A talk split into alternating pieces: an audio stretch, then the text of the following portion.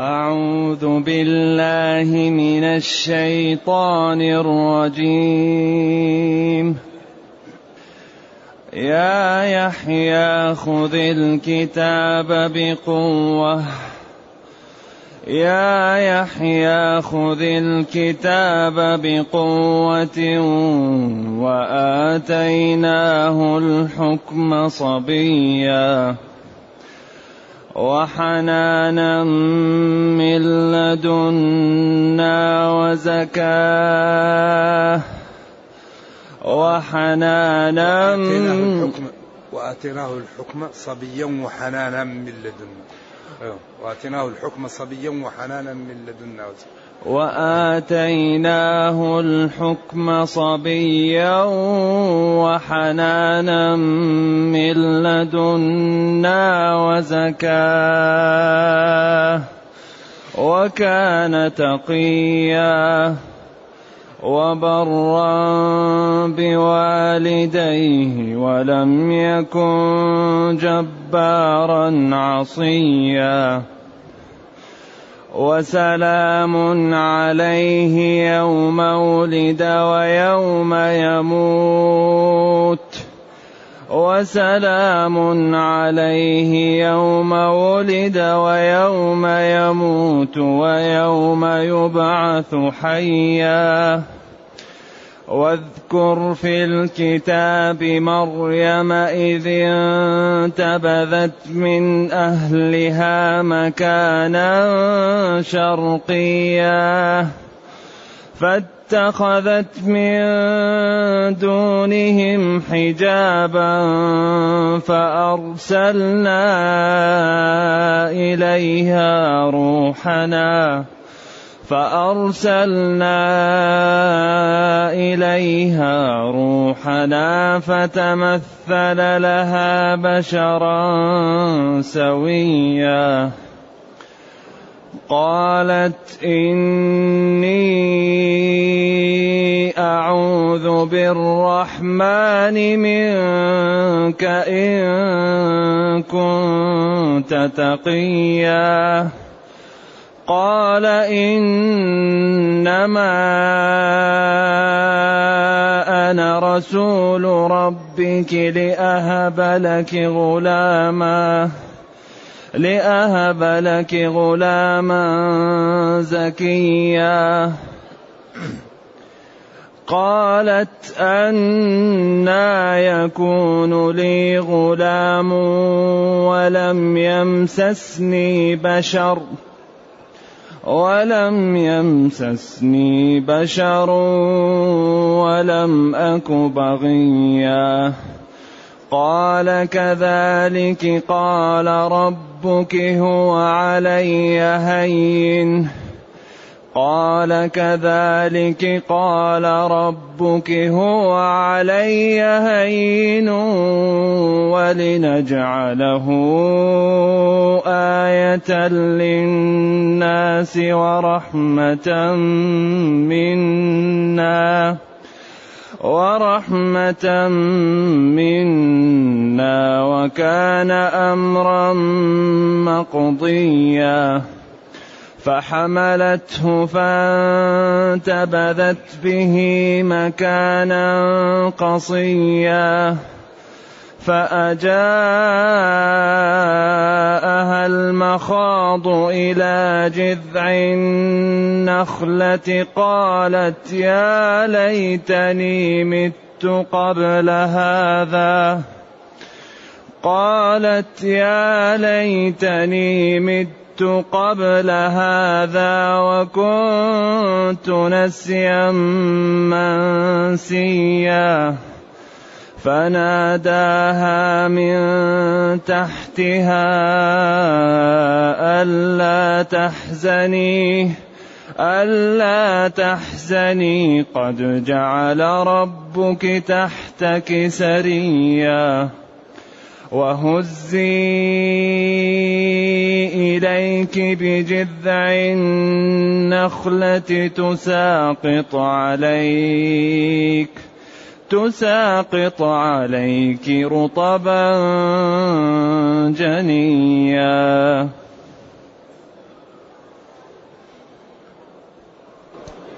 الحمد لله الذي أنزل إلينا أشمل كتاب وأرسل إلينا أفضل الرسل وجعلنا خير أمة أخرجت للناس. فله الحمد وله الشكر على هذه النعم العظيمة والآلاء الجسيمة.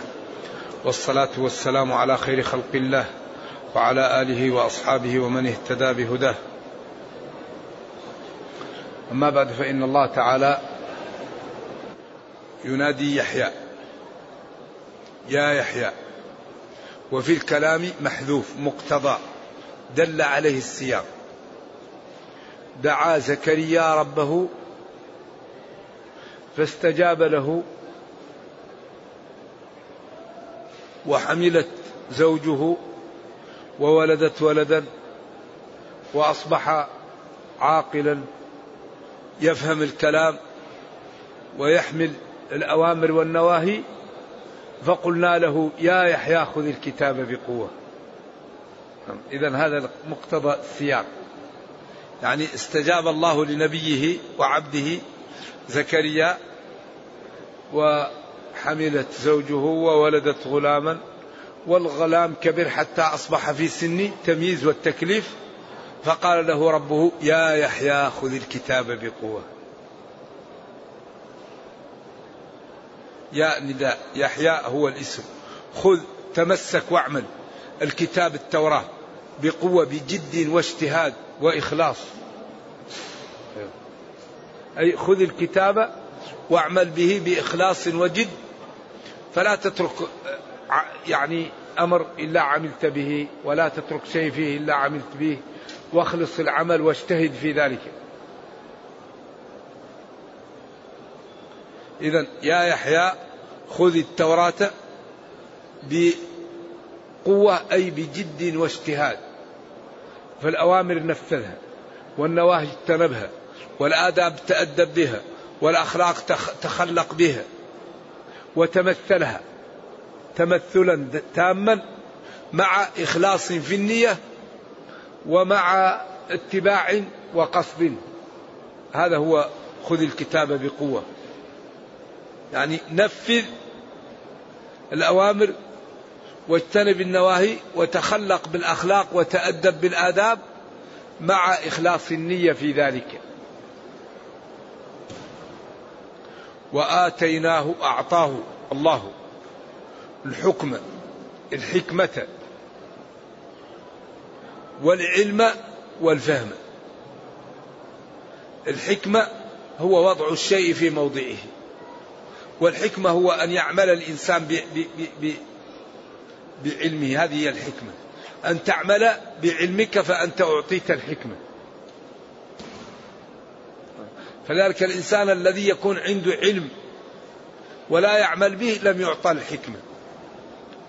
وإذا كانت عنده عقل ولا عنده علم فما يمكن يستدل على الشرع إلا بيش إلا بالنصوص إلا بالوحي.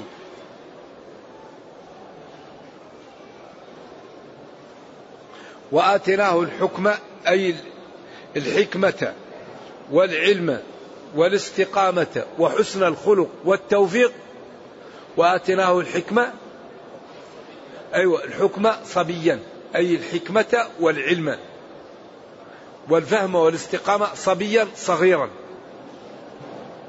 وأعطيناه حنانا. الحنان الكلام فيها كثير. أي جعلناه يتحنن على خلق الله أو جعلناه يتحنن على والديه أو أعطاه الله محبته فحن عليه ربه وأحبه. إذا أعطيناه يعني المحبة والرفق وإكرام والديه والرفق بهم أو أعطيناه حبنا أيوة من لدنا. ذلك التحنن. سواء كان منه لخلقه أو لخلق منه أو لله له ذلك من عند الله من عطاء الله ومن منحه ومن ممنه عليه. إذا وحنانا الظاهر معطوفة على الحكمة وآتيناه الحكم من عندنا وآتيناه حنانا. وزكاة طهرناه. وطيبناه وأبعدناه من الذنوب. لأن الطهارة تقال للنظافة وتقال للتزكية. وزكاة أي جعلناه زكيا طاهرا بعيدا عن المعاصي عاملا بطاعة الله فأصبح مزكا من الله تعالى وزكاة. وكان تقيا. ومع ذلك كان من من الأتقياء. يقال إن كل إنسان مر بشيء من الذنوب إلا يحيى لم يسبق له ذنب. وهذا من منح الله. ولكن الله يمن على من يشاء من عباده. فقالوا إن يحيى ما سبق عليه أبدا معصية. لما أتاه الله أتاه قلبه نظيف ونفسه طيبة وأبتع وأبعده عن الشهوة التي دائما توقع الناس في المشاكل. وهي شهوة الجنس أكثر ما يدخل الناس النار الفم والفرد أكثر ما يدخل الناس النار. لذلك في الأثر من يضمن لي ما بين فكيه ورجليه أضمن له الجنة. قال له أوصني قال له أمسك عليك هذا. وهل نحن نؤاخذون بما نقول؟ قال فكلتك أمك. وهل يكب الناس في النار على مناخرهم أوجهم إلا حصائد ألسنتهم؟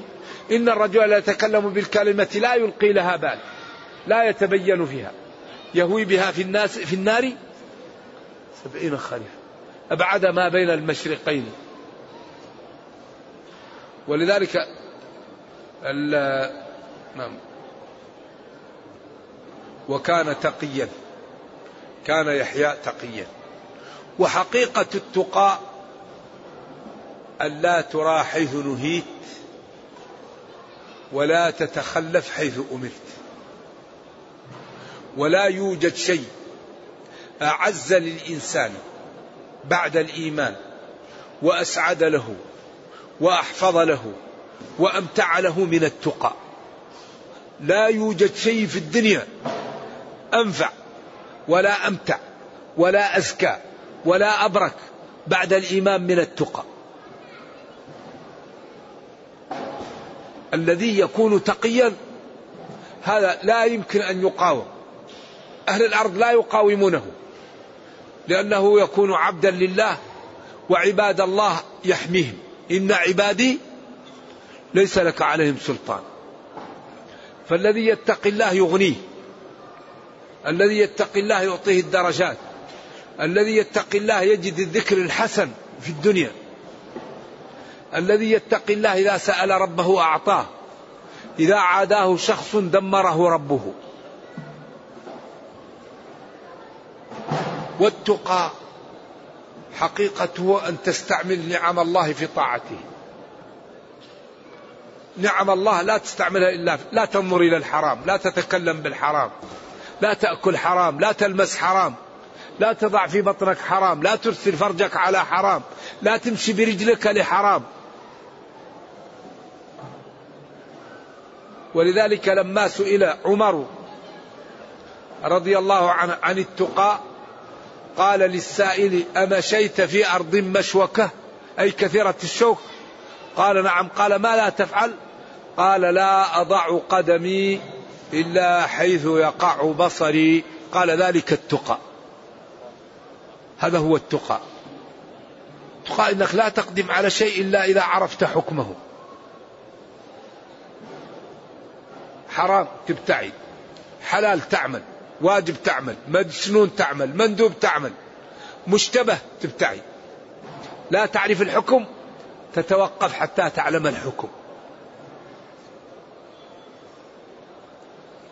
ولذلك هود عليه وعلى نبينا الصلاة والسلام لما ثارت فيه غريزة التقاء وهدده قومه بأصنامهم قالوا يا هود ما جئتنا ببينة وما نحن بتاركي آلهتنا عن قولك وما نحن لك بمؤمنين إن نقول إلا اعتراك بعض آلهتنا بسوء.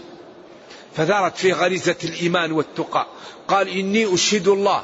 واشهدوا أني بريء مما تشركون من دونه. فكيدوني جميعا ثم لا تنظرون.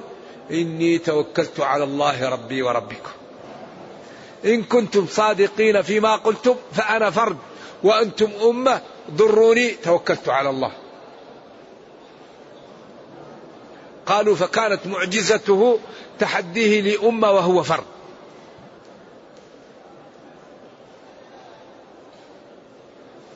ولذلك التقي إذا سأل الله أعطاه. وإذا جاءه شخص يريد أن يظلمه الله يحميه. من عادى لي وليا قد آذنته بالحرب. والتقى لا يمكن أن يأتي إلا بالمكابدة. ما يمكن واحد يأتيه التقى إلا بمداومة النظر يمسكه اللسان السم القلب اليد يداوم الطاعة. فإذا داوم الطاعة وترك المعاصي نمى الإيمان في القلب حتى أصبح مثل هذه السارية. فلا يغضب إلا لله ولا يرضى إلا لله ولا يتكلم إلا لله ولا يجلس إلا لله ولا يسكت إلا لله. فيكون من عباد الله وعباد الله يعطيهم ما أرادوا ويحميهم مما يخافون. كل شيء بثمنه. لذلك الذي يريد العزة يدفع ثمنها. العزة لا تنال إلا بماذا؟ إلا بالثمن. لولا المشقة ساد الناس كلهم. الجود يفطر والإقدام قتال. والسؤدد منحصر في النفس والمال. ما في جهة ثالثة للسؤدد. ولذلك الله قال إن الله اشترى من المؤمنين إيش؟ أنفسهم وأموالهم. الجود يفطر والإقدام قتال. ولو كان فيه هناك شيء تشترى به الجنة لا قال الرب لخلقه ادفعوه. إذا لا يوجد شيء أثمن من النفس والمال وينبغي أن نبذل من أنفسنا وأموالنا لديننا ولأمتنا. لا بد من البذل. إن الله اشترى. نبذل. نبذل وقت للصلاة. نبذل وقت لزيارة المرضى. نبذل وقت لإصلاح ذات البين. نبذل وقت لحفظ المتون. نبذل وقت لإكرام الوالدين والجيران. وقت. إذا وكان تقيا. والذي يتقي ربه يجعل له مخرجا. قال ابن إسحاق منفذا من كل ضيق. إن تتقوا الله يجعل لكم فرقان فعلان من الفرق. يعني تعرف أن هذا صح هذا باطل هذا مضر هذا نافع. الذي يتقي الله يعطيه بصيرة يعرف بها كيف يسير. تكون أعماله كلها صح. إذا تكلم صح إذا مشى صح إذا تصدق صح إذا صلى صح. الذي يتقي الله ربنا يوفقه في الحياة. و التقاء لا ينال إلا بالمكابدة. ما يمكن واحد يتقي الله إلا بالمكابدة. قال تعالى والذين جاهدوا فينا لنهدين. جاهدوا. جاهد الشهوة. جاهد الشيطان. جاهد محبة الدنيا. جاهد الناس الذين يغيروا صدرك. واحد يقول لك فلان قال لك فلان عمل لك فلان شتمك فلان كذب عليك ظلمك. أيوه. فلا يمكن الإنسان ينال التقاء إلا بالمكابدة. فإذا كابد المسلم الطاعات وامتلأ قلبه من الإيمان أصبحت المنفعة منه محققة. فإذا سأل ربه أعطاه وإذا احتمى منه حماه وإذا جاء ناس يريدون به الضرر الله تعالى يدفعهم عنه بما أراد. ثم قال وكان يحيى تقيا. لا يعمل معصية لا يتأخر عن واجب لا يغتاب الناس لا يوشي بهم. لا يتجسس عليهم لا يحتقرهم. لأن أكثر ما يد... يأخذ الحسنات ما يقع بين الناس. فلان فيه فلان قال فلان عمل. ولذلك لا تقع مجلس يعني جلسة أو ويرفعه أحد إلا وقع في الغيبة. الآن أي إنسان يكون في مجلس ويقوم منه ويحاول أن يحكي ما وقع في المجلس لا يسلم من الغيبة في الغالب. إذا كيف نسلم من الغيبة؟ لا نتكلم فيما يقع بين الناس. الذي يسلم لنا حسناتنا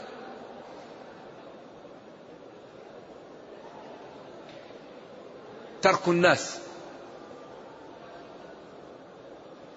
ترك الناس هو الذي يجعل لك حسناتك تبقى لك. تبقى لك حسناتك إن تركت الكلام في الناس. أو كثير منها. أما الذي يتكلم في الناس هذا هو المفلس. والإنسان يتعود. تكلم في العلم. تكلم فيما بعد الموت. تكلم في إصلاح ذات البين. تكلم فيما يشكل لك يشكل عليك في عبادتك. تكلم كيف تنمي يعني مال حلال كيف يكون أكلك حلال؟ أما فلان قال لي فلان وفلان عمل لفلان هذا لا يسلم من الإيش؟ من الغيبة. ولذلك قال له أمسك عليك هذا. وكان يحيى تقيا وبرا بوالديه. وكان بارا بوالديه. ومن يبر بوالديه هذا يكسب أجر كثير. ولا يوجد شيء أخف من من العقوق.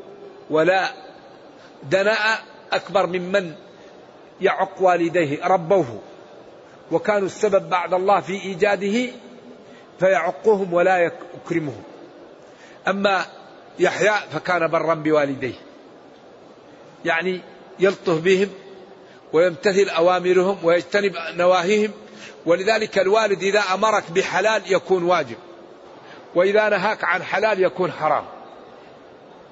لأن هذا الإكرام أن تنفذ وبالوالدين إحسان.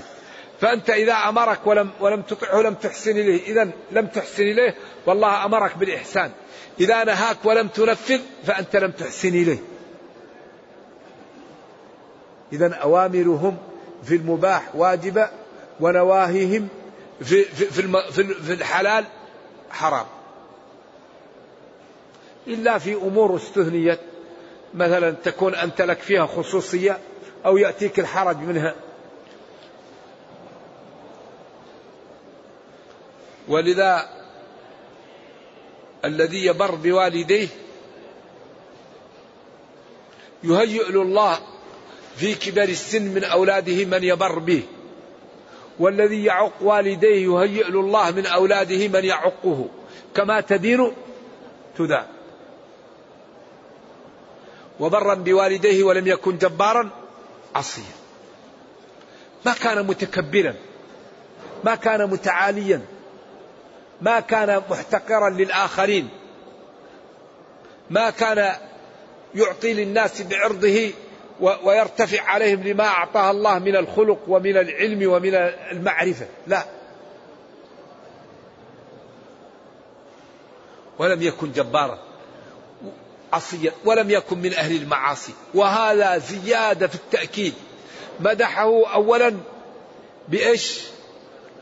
كان تقيا وبرا بوالديه وآتيناه الحكمة صبيا وحنانا ثم قال ولم يكن جبارا عصيا. تأكيد. ما كان يتكبر على الناس وما كان يعمل إيش؟ المعاصي وهذا زيادة في التأكيد ومبالغة في هذه الصفات. فلذلك قيل إنه هو الشخص الذي لم يسبق عليه ذنب. وسلام عليه. يوم ولد ويوم يموت ويوم بعد حيا هذه المواقف في غاية من الخطورة. فله السلامة وله العزة وله الكرامة وله الاحترام وله المنزلة. وسلام عليه. السلامة والتسليم والترحيب والعافية والبشاشة والرفعة في هذه المواقف التي هي أصعب مواقف تمر على الإنسان. يوم ولد لأنه يكون كان في مكان فيأتي لمكان ولذلك كل مولود إذا ولد يستهل صارخ إلا ما كان من عيسى بن مريم وأمه. ويوم الموت يأتي الإنسان لمنكر ونكير ويأتي لناس لا يعرفهم وأمور وعمل أشياء لا يعلمها إلا الله. ويوم يموت ويوم يبعث حيا موقف هائل يجعل الولدان شيبا فهو في هذه المواقف الصعبة له السلام وله التسليم وله الترحيب وله العافية وله البشاشة وله الهناء وله السرور.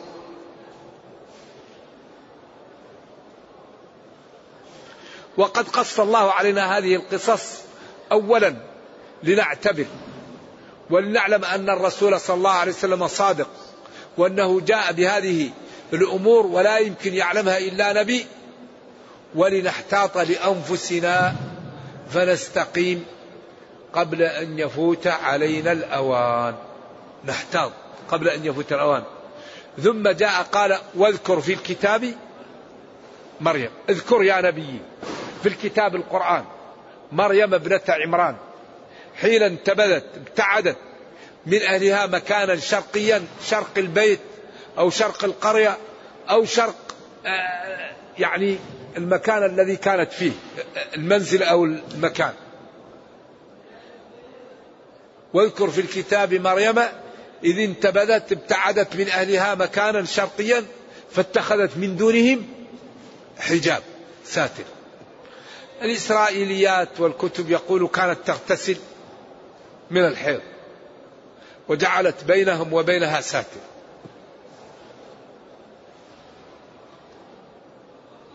وهي بعد أن اتخذت بينهم حجاب لتتعبد أو لتغتسل أو لشيء أراده الله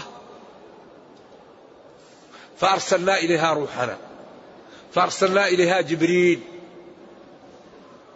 والملائكة تتشكل فتمثل لها بشرا شابا أمرا جميل وهذا في الإسرائيليات لا أعرفه ثابت فتمثل لها بشرا رجل سوي ما في عاهة ولا في شيء ومقبول حتى لا تنفر ولا تجزع فلما أصبح قريبا منها قالت مريم إني أعوذ بالله منك أستجير بالله وأمتنع به منك. إن كنت تقيا للعلماء فيها قولان، قول مرجوح وقول راجح. إن كنت من أهل التقى وأهل العلم فأستمنع وألتجئ لله منك ألا تقربني وألا تعمل معي ما لا يحل لك ولا يحل لي. وقيل التقي رجل كان يقال له التقي كان مجرما. فقالت ألتجئ بالله منك؟ إن كنت تتقي الرجل المعروف بالإجرام أن يقع منك مني شيء وهذا مرجوح. أيوه. ولكن هذا قاله بعض العلماء أيوه. قال لها جبريل إنما أنا رسول ربك أنا رسول من الله تعالى لأهب لأعطي ليهب أو لأهب ليهب الله أو لأهب أنا بأمر الله لي لك غلاما زكيا طاهرا عالما طيبا. إذا جبريل قال إنما أنا أنا منحصر أمري في أني رسول الله. أرسلني لأعطيك أو لأهبك غلاما ولدا زكيا أو زاكيا.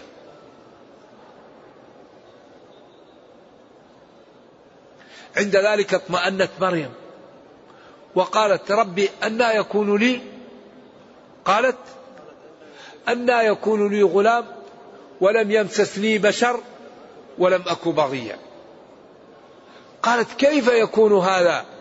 يأتيني غلام ولم يكن لي زوج ولم أكن فاجرة. والغلام لا يأتي إلا من اتصال بين الذكر والأنثى حتى تعلق النطفة في المرأة وتتكون النطفة ويكون الجنين. كيف يكون لي غلام من غير زوج ومن غير يعني بغي رشد زنا؟ قالت رب قالت أنا يكون لي غلام ولم يمسسني بشر ولم أك بغيا لم يمسسني بشر زوج ولم أك بغيا ولم أك فاجرة. كيف يكون هذا؟ قال لها جبريل كذلك. الأمر كما قلت يكون لك غلام ولم يمسك ولم يمسسك بشر ولم تكوني بغي ولم تكوني فاجرة زانية. الله قال ربك قال كذلك قال ربك هو علي هين. سهل. ولنجعله آية للناس. يعني علامة على قدرتي. وعلى أني ما أردته يكون. ونجعله ورحمة منا لمن اتبعه وأطاعه فيما أرسلته به. نجعله آية على قدرتي وعلى أني المعبود بحق ونجعله رحمة للناس لمن اتبعه وأطاعه في رسالته. وكان أمرا منفذا مقضيا لا محالة لأنه كتب في اللوح المحفوظ. ولذلك ما كتب لازم يقع. خلاص. الله تعالى يكره إساءة المسلم يكره الموت وهي مكتوبة عليه لا محالة.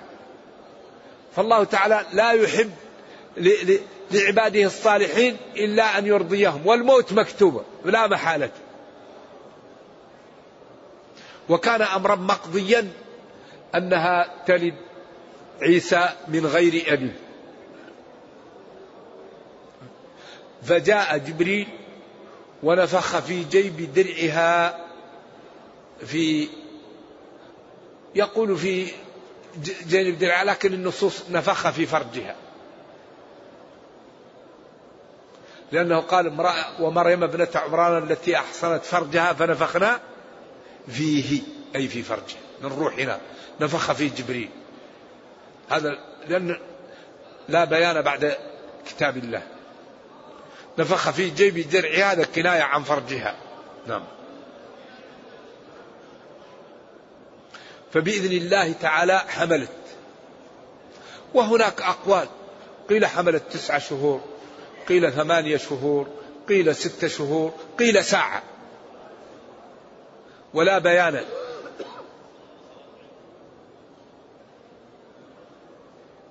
هل الحمل كان ساعة؟ هل الحمل كان تسعة شهور؟ هل الحمل كان يوم يومين؟ الله أعلم. فحملت فحملته اللي هو عيسى لما نفخ الملك في فرجها فابتعدت به مكانا قصيا. بعدين قال فأجاءها المخاض. هل كان ساعة؟ هل كان ذلك؟ ساعتين؟ الله أعلم. فانتبذت ابتعدت به مكانا قصيا لهول الموقف عندها وصعوبة الأمر. امرأة صالحة ما لها زوج بعدين تأتي بولد مشكلة. هذا فأجاءها المخاض وهو ألم النفاس الطلق. قالت مريم فأجاءها المخاض الطلق. فألجأها إلى جذع النخلة لتمسكه من شدة الألم. كان جذع. قالت مريم يا ليتني مت قبل هذا. ولذلك لهول الموقف. وليس القضية قضية طلق ولا ألم نفاس. قضية قضية امرأة صالحة تأتي بالولد يقال لها أنت فاجرة أنت هذا هو الصعب. وكنت نسيا أو نسيا منسيا. وكنت لا شيء لا نذكر ولا ولا ولا في الحياة. فناداها من تحتها أو من تحتها. فناداها من تحتها اللي هو جبريل أو عيسى. أن لا تحزني قد جعل ربك تحتك سريا. أي فناداها اللي هو جبريل وكان في محل أسفل منها أو ناداها عيسى وهي لما ولدته وقالت هذا الكلام قال لا, لا تحزني. قد جعل ربك تحتك سريا فيها قولان أي نهرا صغيرا جاريا. النهر الجدول الصغير يقال له السري والرجل الفاضل يقال له السري. قد جعل ربك تحتك ماء. وهذا الذي يقويه فكلي واشربي. أو قد جعل ربك تحتك رجلا فاضلا شهما يكون من من القواد وهو السري وهو الرجل الفاضل وهو عيسى. ثم قال وهزي إليك بجذع النخلة. قيل إنه لما تفجر الماء حي الجذع وكان ميتا. ونبت فيه الثمار واستوى من حينه وكان زمن شتاء. وكل هذا إسرائيليات. لا أعرف فيه شيء يثبت إلا ما في النص. لكن ذكرت هذا الإسرائيليات. وهزي إليك بجذع النخلة وأصبحت فيها الرطب. أو هو جذع هزيه تساقط عليك أو تساقط عليك. كل قراءة سبعية. تساقط أو تساقط. رطبا جنيا يانعا يعني مستويا. وهذا أحسن ما يأكله النفساء. فكلي. فكلي من الرطب. واشربي من الجدول من السري. وقري عينا بالولد الصالح. نرجو الله جل وعلا أن يجعلنا من المتقين وأن يرينا الحق حقا ويرزقنا اتباعه وأن يرينا الباطل باطلا ويرزقنا اجتنابه وأن لا يجعل الأمر ملتبسا علينا فنضل. سبحان ربك رب العزة عما يصفون وسلام على المرسلين والحمد لله رب العالمين والسلام عليكم ورحمة الله وبركاته. هذا سائل يسأل يقول ما حكم من أدى عمرة في شوال ثم أدى الحج في نفس العام مفردا؟ هل عليه هدي أم لا؟ وهو يجهل أن العمرة في شوال يعني صاحبها يكون متمتعا. إذا خرج إذا رجع لبلده أو خرج مسافة القصر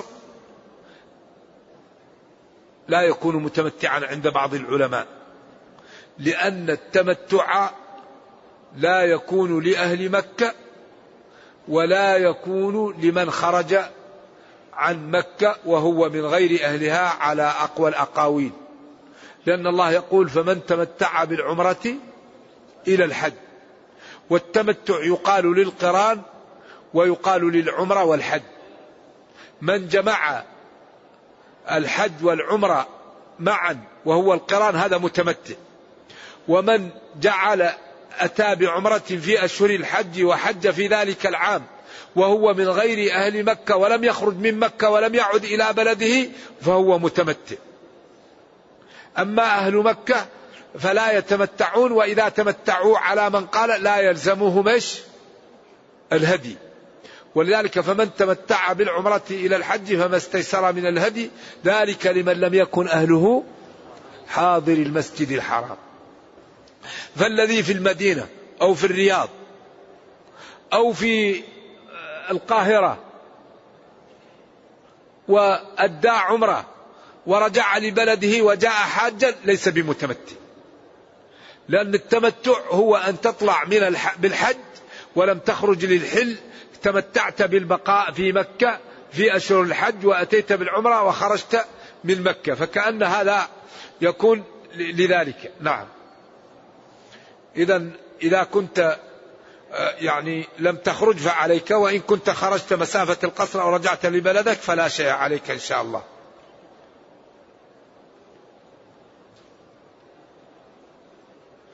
ما قربت زكريا عليه السلام للسيدة مريم؟ أظن زكريا ابن خالته لأن مريم وحنة أختان. فحنة زوجة زكريا يحيى ما هو زكريا يحيى. فهو ابن هو خال زوجه.